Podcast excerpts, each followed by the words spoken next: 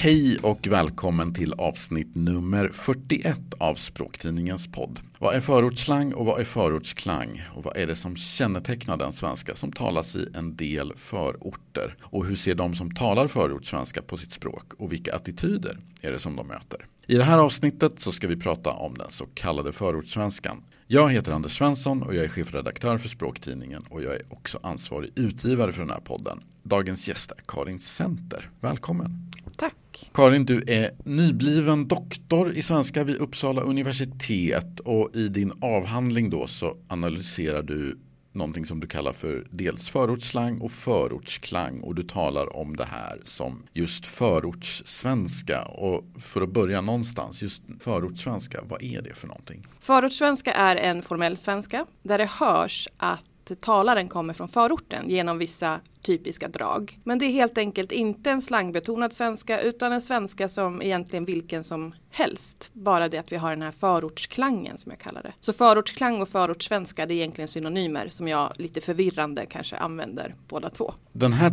typen av språk den började väl tror jag uppmärksammas kanske på 80-talet. Att, ja. att, och då talades det ganska mycket om det som Rinkeby-svenska och sen så har man sett, vad vet jag, det har varit miljonsvenska, blattesvenska, tjåbresvenska, massa sådana här olika benämningar som har cirkulerat. Alltså, varför tycker du att förortssvenska är bästa sättet och bästa etiketten eller vad vi ska säga?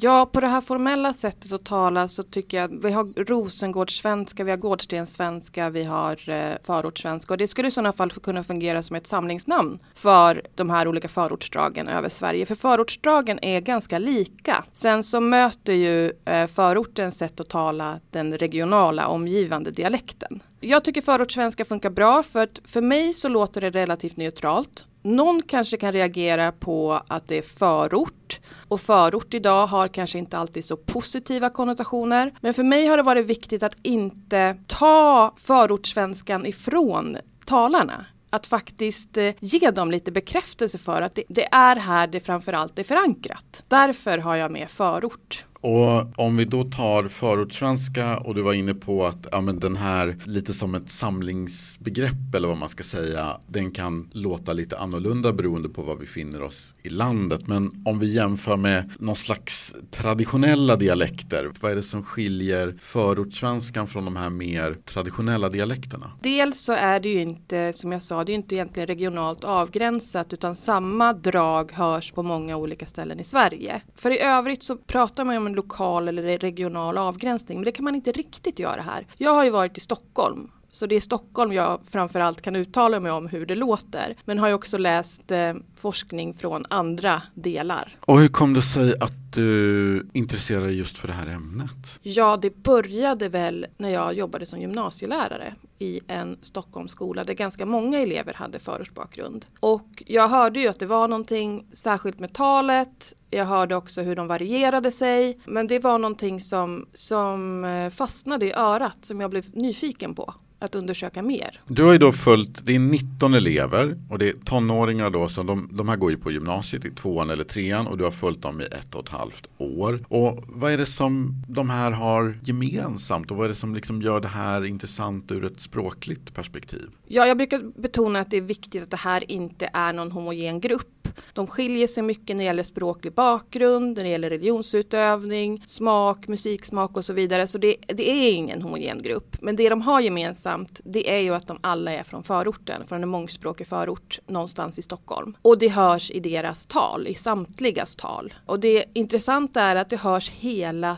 tiden. Det hörs under skolredovisningar, jag har en inspelad anställningsintervju där hörs det också. Så det hänger med, den här förortssvenskan, den här formella svenskan, den hänger med hela tiden. Så det är, liksom, det är inget som man så att säga stänger av och på utan det finns någonting som finns där hela tiden. Ja, tidigare forskning har varit mer inne på att ungdomarna knäpper av det eller knäpper på det. Men det ser inte jag, det hör inte jag. Utan det här är någonting som är närvarande hela tiden. Förortssvenskan eller förortsklangen tystnar aldrig. Du har ju som sagt följt de här i vardagen då under ett och ett halvt år. Hur reagerar en, ett gäng gymnasieelever när det kommer någon och säger hej, jag är doktorand, under ganska lång tid vill jag hänga med er och jag vill spela in hur ni talar och jag tänker analysera det. Vad får du för reaktioner då? Det var klart att det var en jättemärklig situation. Kanske framförallt för dem men också för mig. Jag har ju varit gymnasielärare som jag sa men det här är någonting helt annat. Att följa dem i hela skolvardagen, alltid ha rast med dem, äta lunch med dem, åka därifrån med dem. Det är något helt annat. Och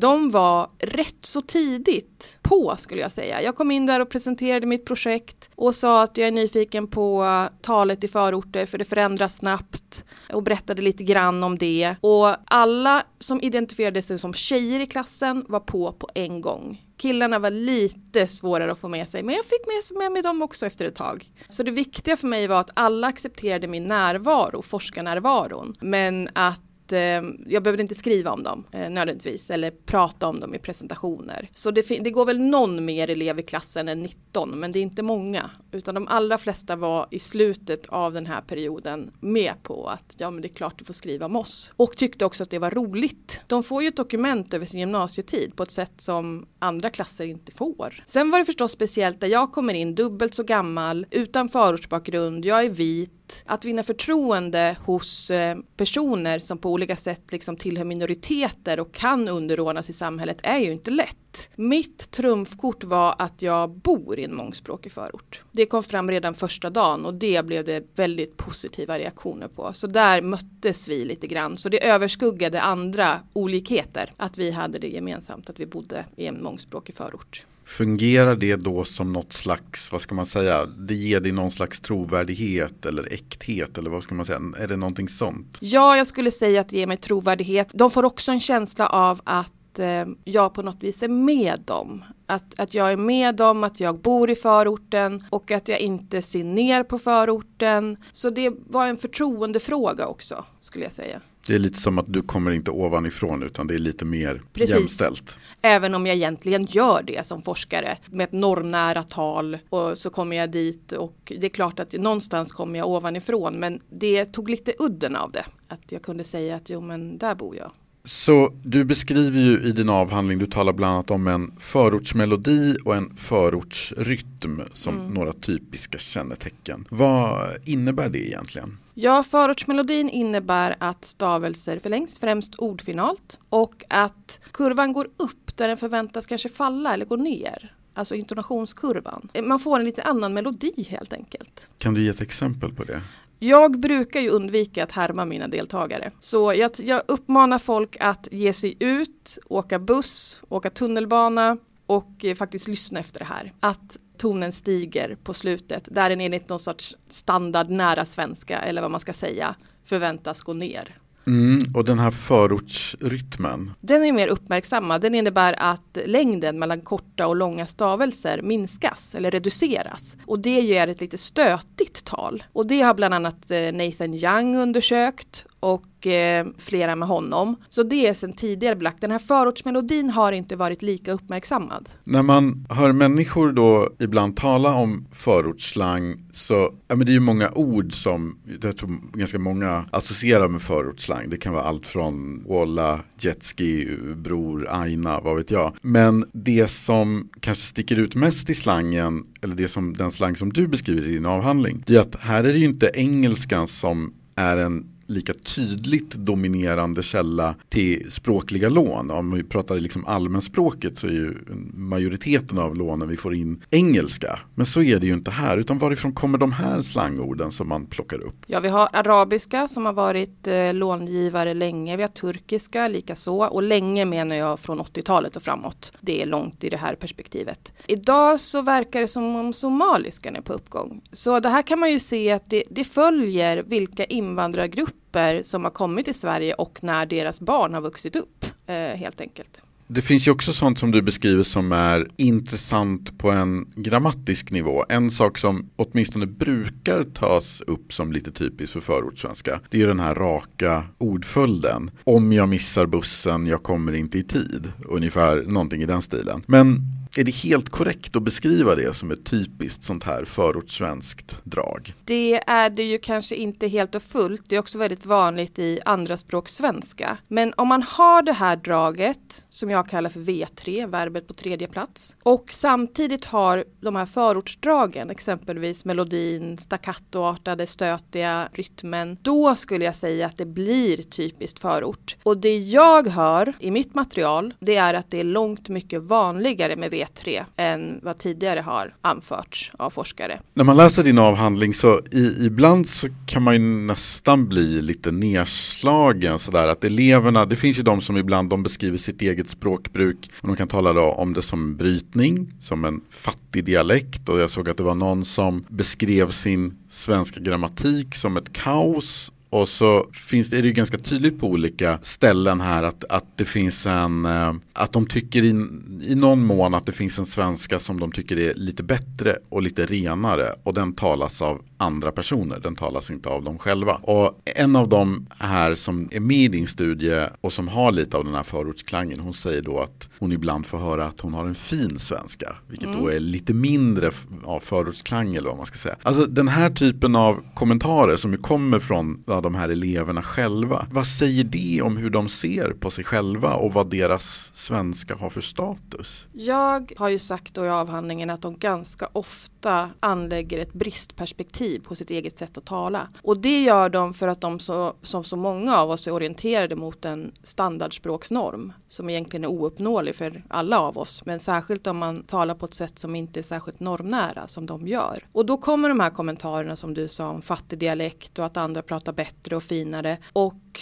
det gör ju förstås någonting med en människa att känna att det sättet jag pratar på, det sättet jag har tillgång till prata på, det nedvärderas. Och de har på något vis övertagit eller internaliserat utifrån kommande syn på deras eget sätt att tala. Vilket som du säger kan vara, kännas ganska nedslående. Men sen så finns det ju också, det måste ju sägas, det finns också andra sätt att beskriva det. Denise, en av deltagarna som håller på med poetry slam eller estradpoesi, hon lyfter fram det som en tillgång. Att det är någonting som ska användas, det är hon blivit uppmuntrad att göra av ledare på en skrivarkurs. Och eh, Aisha, det här är för övrigt fingerade namn. Ingen heter det som jag säger på riktigt. Men Aisha säger i alla fall att det är coolt och det är därför andra utanför förorten vill prata det. Det är vi som är coola. Eh, så visst, det, det, finns någon sorts ambivalens här. Att å ena sidan vara lite stolt över det förortstal som man har. Å andra sidan tänka att det duger inte i intervjusituationer, i högre utbildning och det skapar en osäkerhet. Mm.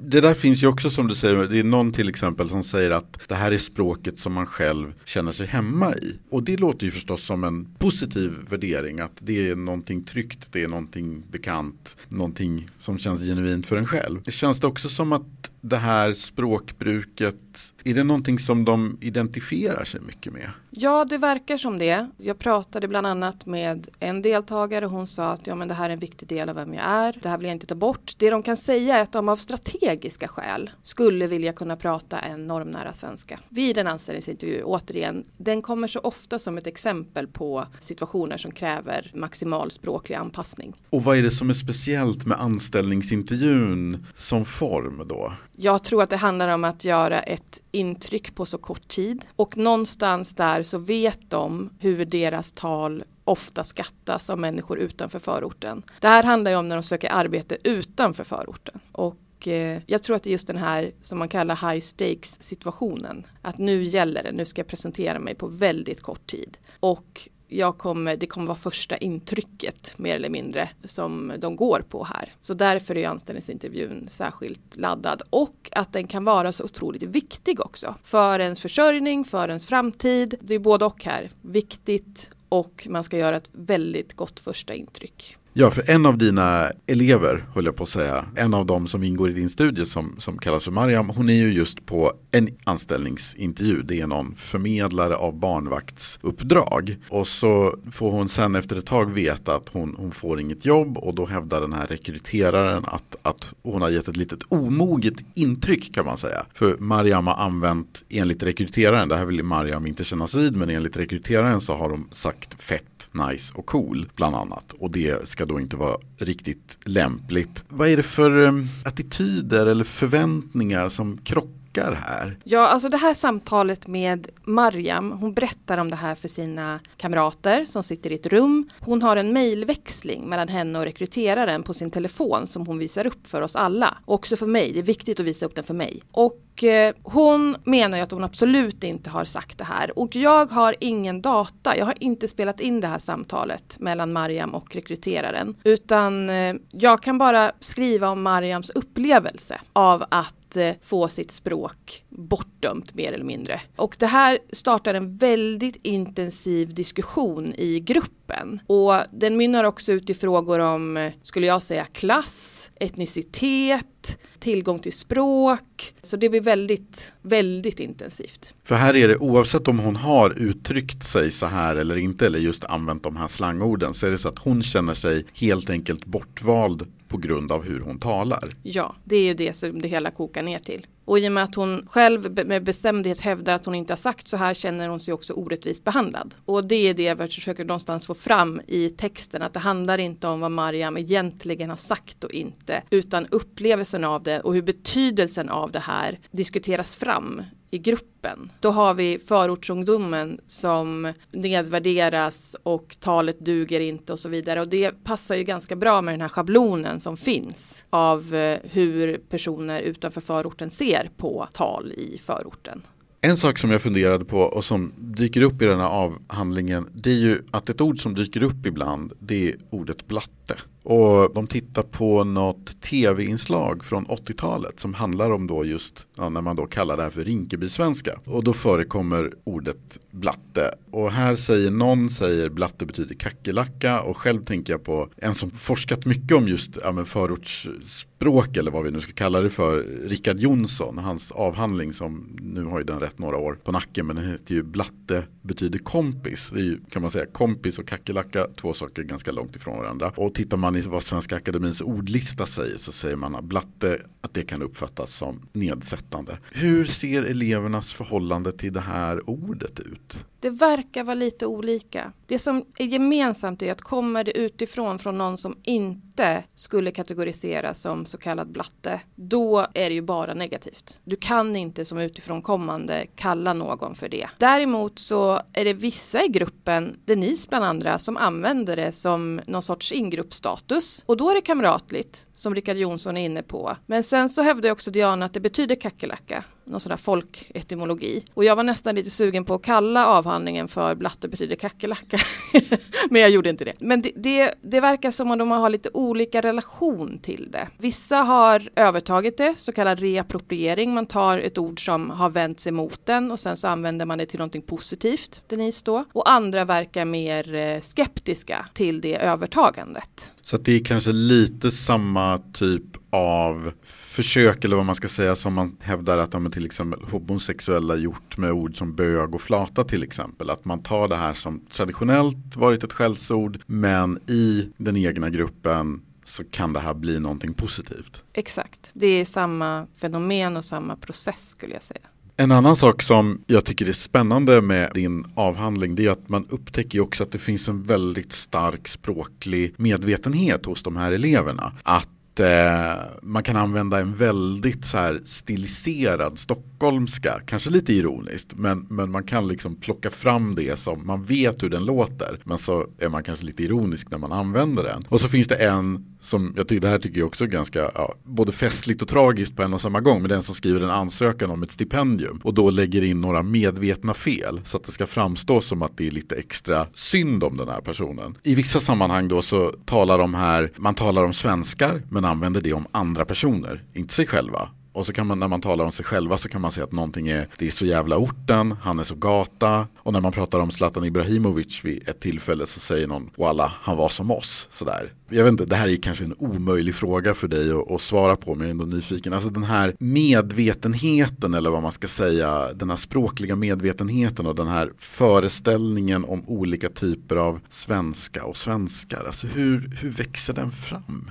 En stark språklig medvetenhet finns verkligen. Och det är därför de ofta pratar om den här anställningsintervjun och de här situationerna som kräver maximal språklig anpassning. Och maximal språklig anpassning för de här ungdomarna, det är att prata förortssvenska. Att lämna slangen därhän. Förortsslangen försvinner, förortssvenskan består. Så det är någon sorts maximal språklig anpassning. Ja, jag har inte studerat de här ungdomarna över längre tid, men någonting som de har fått med sig från början, som de säger att det har tjatats om mer eller mindre från förskoletiden, är att de måste anpassa sig språkligt. Kanske har de fått höra det betydligt mer än ett barn som växer upp i ett hem där man pratar mer normnära svenska. Det är mycket möjligt. Så det här har absolut vuxit fram och en del har också fått kommentarer, som Mariam får kommentarer på sitt tal. De får kommentarer av vissa lärare, absolut inte alla, men vissa lärare kommenterar deras tal på ett sätt som ni ska inte fastna i förorten utan ni ska lära er att prata standard, eller vad man ska säga. Så jag tror att den språkliga medvetenheten är på något vis inpräntad i dem från, från början, att de ska tänka på hur de pratar. Och det vet jag som tidigare lärare att man funderade på, vet de att de ska språkligt anpassa sig och sådär. Och är det någonting som har framkommit i den här avhandlingen så är det att de vet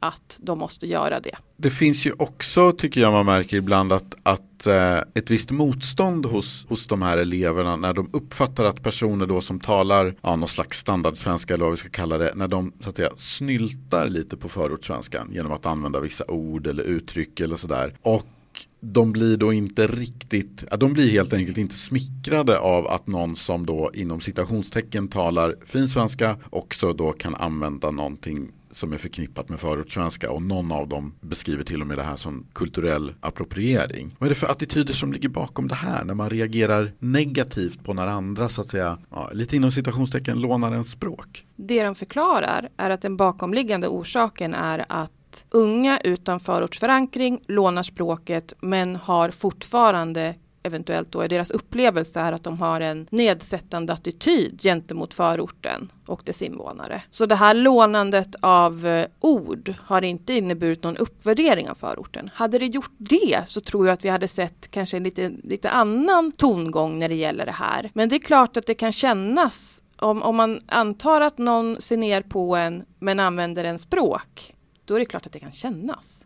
Många av de här tonåringarna eh, som, som du följer, de är födda och uppvuxna i Sverige. Men så läser de då ändå just svenska som andraspråk. Och så här utifrån så, på ett sätt så tycker jag att det spontant känns lite märkligt. För när jag läser din avhandling så, så får jag verkligen känslan av att de här mycket väl skulle kunna läsa, ja, inom citationstecken, vanlig svenska. Eller vad man ska säga. Är det en iakttagelse som du delar? Ja, det är lite märkligt. Och Eh, det är en situation vi har i dagens skolor att ganska många elever som är födda i Sverige läser svenska som andraspråk. För på gymnasiet så är det ett fritt val om du ska läsa svenska eller svenska som andraspråk. Och det som flera av de här har erfarit är att de från början har blivit placerade i svenska som andraspråk. På grund av efternamn, etnisk bakgrund och så vidare. Så de har bara följt skolgången i, i svenska som andraspråk från början till, till gymnasiet. Så att man börjar kanske med svenska som andraspråk för att man har, ja det talas ett annat språk i hemmet helt enkelt. Men sen så blir man kvar i svenska som andraspråk fast man egentligen då talar svenska och kanske till och med har det som ett första språk. Ja, så kan det se ut. Och det här är förstås olyckligt och idag tror jag att det ser bättre ut när man i grundskolan placerar elever i svenska eller svenska som andraspråk. Men de här ungdomarna är ändå 17-18 år, så det var ett tag sedan de gick i första klass och en del har förhoppningsvis hänt. I slutet av din avhandling så får man veta att du har lite eh, kollat upp de här några år senare när du har färdigställt eh, din studie och så här. De jobbar och de pluggar och det verkar i största allmänhet vara, gå väldigt bra för de här människorna. Eller liksom, de är verkligen på väg framåt ut i vuxenvärlden, ut i livet så på olika sätt. Men de har kvar en liten klang av förort, noterar du. Och så är det några också som tar upp att de pluggar på högskolan eller har gjort och så tycker att det här med förorts, att det kan kännas lite, lite jobbigt i vissa sammanhang. Och jag tänkte, du hängde ju med de här eleverna ganska länge och även om du då ska observera dem i forskarens neutrala, förhoppningsvis nästan flugan på väggen roll så blir det ju förstås inte riktigt så i praktiken alltid. Jag tänker, det här gänget som du ändå lärde känna lite, Funderar du på de här idag och hur de ser på språket? Ja, det gör jag ju förstås. Och Och jag är ju sugen redan nu på någon sorts uppföljning någon gång med i alla fall några av dem och se hur de använder språket idag, vad de stöter på för, för eh, attityder eh, inom utbildning och arbetsmarknad. Så det är någonting jag skulle vilja kika vidare på. Och vet du någonting om nu när de har fått några års distans till att ha varit med om den här studien. Vet du någonting om hur de ser på sin medverkan idag och vad de kanske har tagit med sig från den? Ja, jag intervjuade eller gjorde så kallad member checking, alltså när man går tillbaka till deltagare och berättar att så här har jag skrivit om er, hur ser ni på det här? Jag gjorde det med nio stycken deltagare, de som är med mest i avhandlingen. Och det var mycket skratt kan jag säga, mycket kommentarer så där tänkte jag på gymnasiet. Men alla var med på den bild som förmedlades av dem i retrospektiv, alltså i ett då. Även om de inte tyckte det var samma sak nu, för det är ganska stor skillnad. Även om det inte var många år emellan själva studien och min uppföljning så är det ganska stor skillnad att gå på gymnasiet i den kompisgrupp man befinner sig och sen gå på högskola eller vara ute i arbete. Så de har ju vuxit något enormt. Ja, vad spännande. Vi får se om det här blir en språkvetenskaplig motsvarighet till jordbrosviten eller någonting i den stilen framöver. Ja, vi får se. Förhoppningsvis så skulle jag kunna fortsätta och möta några av dem. Då säger jag tack så mycket Karin Center. Tack! Du har lyssnat på det 41 avsnittet av Språktidningens podd. Vi är tillbaka med ett nytt avsnitt om en månad. Prenumerera gärna på oss i din poddtjänst och följ oss i sociala medier så att du inte missar något avsnitt. Vi finns på Facebook, Instagram, Twitter och LinkedIn. Om du är nyfiken på Språktidningen och vill teckna en prenumeration så kan du gå in på språktidningen.se och pröva två nummer för 99 kronor. Du kan också testa en digital prenumeration. Du får tre månader av vår digitala upplaga för bara 39 kronor. Tack så mycket och på återhörande.